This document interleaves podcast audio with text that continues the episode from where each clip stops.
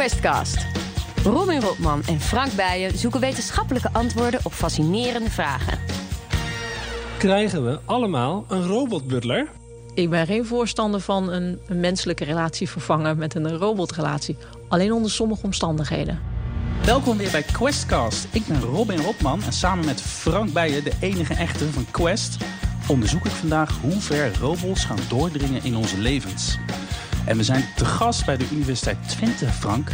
Dat is leuk, we zijn op locatie. Dus een, een nieuwtje even weg uit de BNS-studio. Ja. Hebben we straks allemaal een eigen robot die ons snapt, die terugpraat en die ons helpt in het dagelijks leven. Een soort robotbutler eigenlijk. En dat bespreken we vandaag allemaal met een vrouw die voor zover ik weet niet bestaat uit boutjes en schroefjes. Het is Vanessa Evers, hoogleraar sociale robotica aan de Universiteit Twente. Leuk dat je bent, Vanessa. Of eigenlijk leuk dat wij er zijn. Ja, bedankt voor jullie komst. We zijn in, in het Design Lab, hè? dus we zijn in jouw natuurlijke habitat. Ja. Het is echt een fantastische omgeving. Het is zo leuk om je, al die mensen te zien. Het is heel open en het is licht.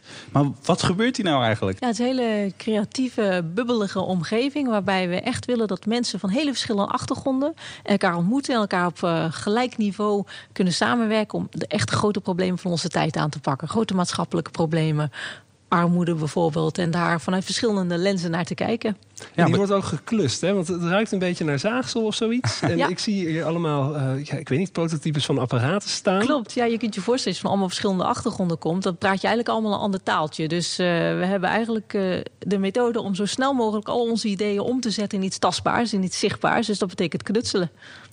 Maar goed, jij bent dus een hoogleraar sociale robotica. Ik weet dat eh, Peter Paul Verbeek, dat is een filosoof. Die hebben we in de volgende aflevering, komt hij eh, in, in, eh, in, in, in de Questcast.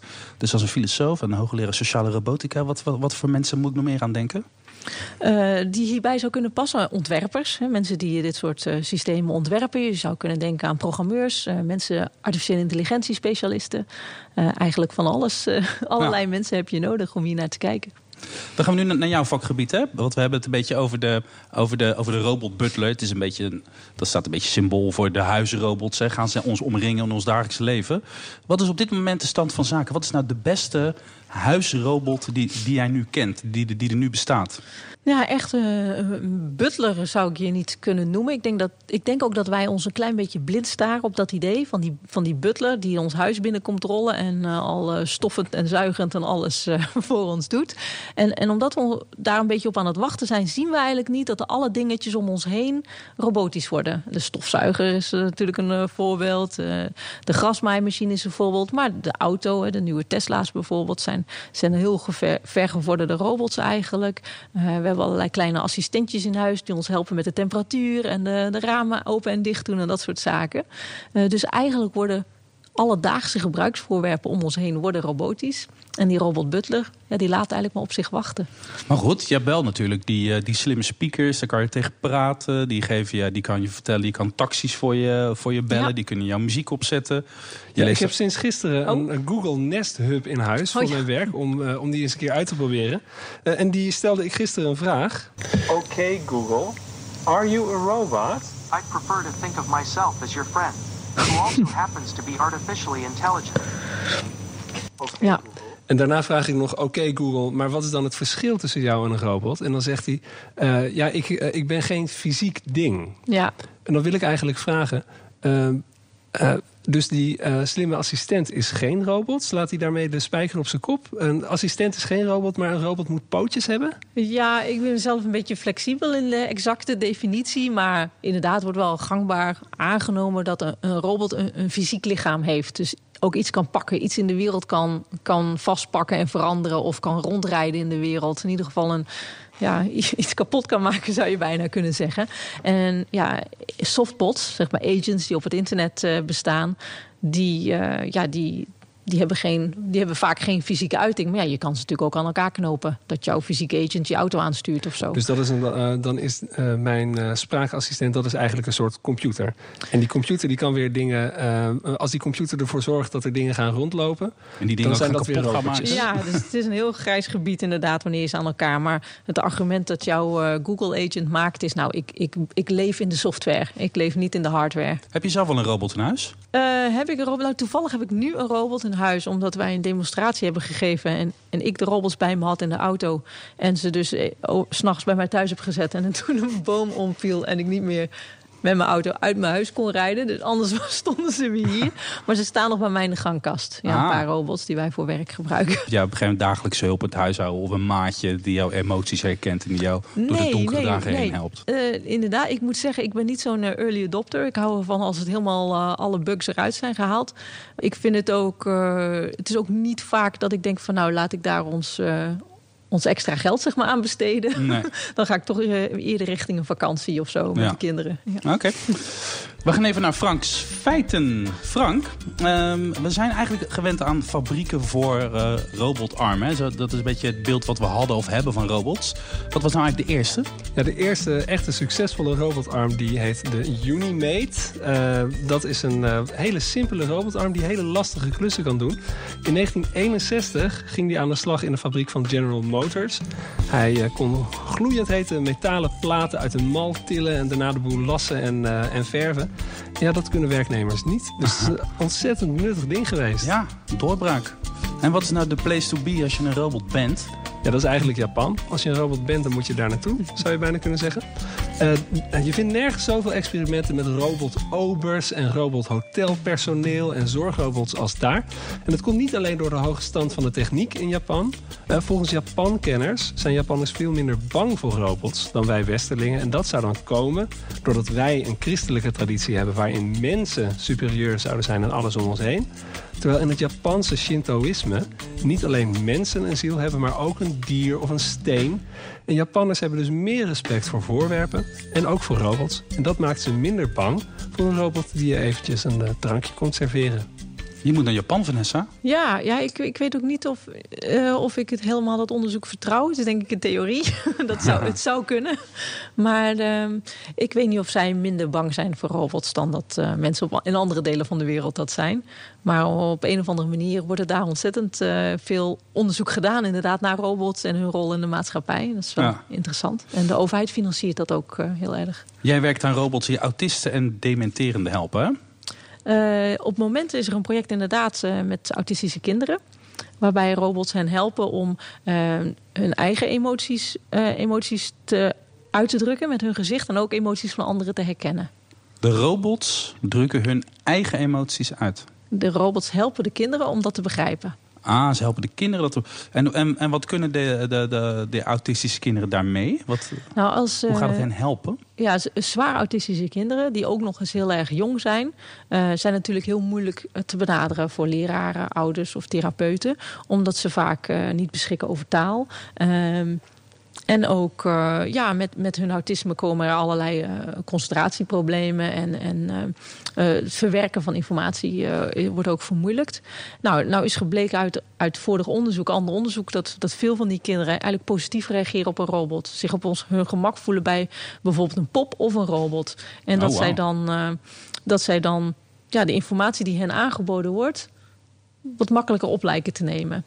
Nou, dat hadden wij gedacht van, hoe komt dat nou? Waar ligt dat nou aan? Is het die voorspelbaarheid van die robot? En dat wilden we verder onderzoeken. En dat zijn jullie nu aan het doen. Ja, dat zijn we nu aan het doen. Er zijn net eh, projecten afgerond in, in Londen... waarbij eh, een heleboel autistische kinderen samen met een robot... en hun eh, leraar, therapeut door een aantal eh, oefeningen heen zijn gegaan... rondom het herkennen van emoties in anderen. En eh, die data zijn we nu aan het verwerken, eigenlijk beneden in de kelder... van waar wij nu zitten. Eh, alle, alle projectpartners uit verschillende landen uit Europa zijn nu ook aanwezig... en die Ja. zijn eh, be- daarmee bezig. En hoe zien deze robots waar deze kinderen mee werken eruit? Eh, dat zijn eh, kleine mensachtige robots. Ik denk de beste beschrijving ziet een beetje uit als een tekenfilmfiguurtje. En gewoon een blokkerig ding met armpjes. Zo. Ja, een tekenfilmfiguurtje, vrolijk jongetje. Ja, zo eh, met een eh, gezichtje. De- een gezichtje dat eh, heel expressief is. Dat, dat kan glimlachen en boos kan kijken en dat soort zaken. En het lichaam ziet er meer uit als een ruimtepakje. En hoe gaat dat dan eruit zien straks? Gaan die autistische kinderen straks gewoon met een robot de deur uit om het, leven in te stappen en die daar gewoon constant hulp krijgen van een robot? Is dat een beetje waar je, waar je dan heen werkt? Of? Ja, het is, kijk, er zijn, eh, er zijn meerdere eh, oplossingen wereldwijd. waarbij mensen zeggen van nou, we gebruiken die robots om, die, om kinderen met autisme te helpen. En vaak wat zij doen is hen levensvaardigheden aanleren. Dus bijvoorbeeld, eh, hoe ga je naar een verjaardagsfeestje? Nou, dan geef je het cadeautje en, en dan wacht je tot de ander het heeft uitgepakt. Allemaal eigenlijk dat soort zaken. Maar ja, wij proberen het, het diepe liggende probleem aan te pakken door uh, te kijken naar vaak hebben kinderen uh, niet eens het weten zij niet dat hun gezicht een effect heeft op de wereld. Want wanneer zij hun gezicht in een bepaalde glimlach eh, trekken of in een bepaalde vorm trekken, dat dat een effect heeft. Hè. Dat, dat, is ook best wel moeilijk. En, mm -hmm. en ook waarom het gezicht van anderen eigenlijk beweegt, wat daarachter zit. En als je de informatie gewoon heel plat verwerkt, ja, dan zie je gewoon een bewegend gezicht. Maar waar, waarom zou daar informatie in zitten? Dus wij proberen hun bewustzijn van hun eigen gezicht en de gezichten van anderen uh, te verhogen. En eigenlijk is dan pas stap 2, 3, 4 is dan... oké, wat, wat doe je dan op een feestje? En, uh, ja. Dus het probeert wat fundamenteler dat, dat uh, probleem aan te pakken. Hm. En, en, wat zijn op dit moment dan de beperkingen van die sociale robot? Waar loop je nu tegenaan? Is dat de software of is dat de hardware? Of? Nou, het is, het is vooral om het, om het heel... Heel robuust te krijgen. Uh, en daar bedoel ik mee dat, kijk, wij kunnen een systeem maken, vaak voor allerlei oplossingen natuurlijk, waarvan je kan zeggen van, goh, dat heeft nut. Daardoor is iemand gelukkiger of daardoor kan iemand beter zijn werk doen of daardoor kan iemand sneller beter worden.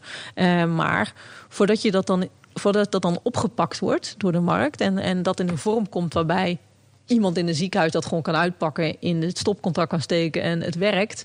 Ja, dat, mm. is, dat is heel uitdagend. Want het is natuurlijk hele complexe technologie die met allerlei andere systemen moet samenwerken. En uh, ja, dat, dat is echt een uitdaging om dat dan naar een product te krijgen. Dat is natuurlijk ook niet de rol van de universiteit. Dus wij nee. proberen aan te tonen van het kan. Dit is mogelijk. Hiermee kun je dit inderdaad bereiken. Mensen kunnen sneller het ziekenhuis uit. Maar ja, dan, dan duurt het nog 15 jaar voordat er eigenlijk een product, product, product sorry, voordat Ja? er dan een product uitkomt. Ik vind het wel tof, hè Frank? Maar wat maakt nu dat die robots nu zoveel beter zijn dan wat er tien jaar geleden uh, werd bedacht? Is, zit dat in de sensoren, in robotogen, in uh, robots die emoties kunnen herkennen? Of zit het meer in uh, ja, kunstmatige intelligentie Zijn of zo? zelflerend?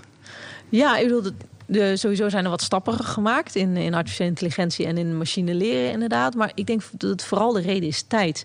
In die tijd van die eerste robots, uh, ja, jaren 60, 70, uh, heeft iedereen op elkaars onderzoek doorgebouwd. Dus elke keer een stapje beter, beter, beter. En dit, ja, dat, dat wordt steeds verbeterd. En uh, uiteindelijk zijn we hier en we zijn toch al flink wat aantal jaren verder. Dus dat legt het heel erg uit. Ik denk deep learning is iets waardoor robots veel beter accurater, dus preciezer kunnen herkennen. En waar, daarvoor had je wel machine learning, dat was goed, maar dan wist je nooit helemaal zeker of, misschien of iemand nou glimlacht of niet. Terwijl nu met deep learning kan je veel zekerder zijn. Dus emoties herkennen, dat kan je niet programmeren bij een robot. Maar doordat, of dat lijkt me heel moeilijk om te programmeren. Maar met deep learning, uh, dan kan je ze op den duur toch leren herkennen. Dat is een belangrijke stap. Klopt, dan, dan programmeert zo'n zo'n computer eigenlijk zichzelf.